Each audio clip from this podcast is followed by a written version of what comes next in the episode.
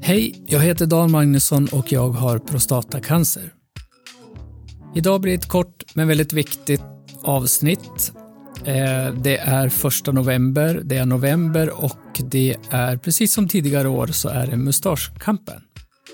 Det vill säga det är Prostatacancerförbundet som har en kampanj som då vill stödja bland annat forskning och utveckling och bättre vård för prostatacancer. Det är alltså en insamling, det är dina pengar vi vill ha, tänkte jag.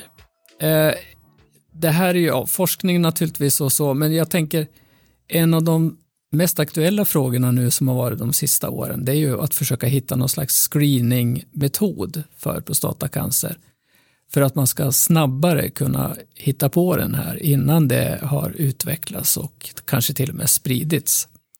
Så alla över 50 år borde väl egentligen eh, gå och testa sig. Och är man som mina två pojkar, barn till en pappa som har prostatacancer, så kanske man ska gå tidigare än så. Det är i alla fall rådet som vi har fått. Pengar, ja, just det ja. Och jag tänker så här, våran familj har alltid skänkt pengar till Barncancerfonden. Vi har också skänkt till Bröstcancerfonden och nu skänker vi också till prostatacancer.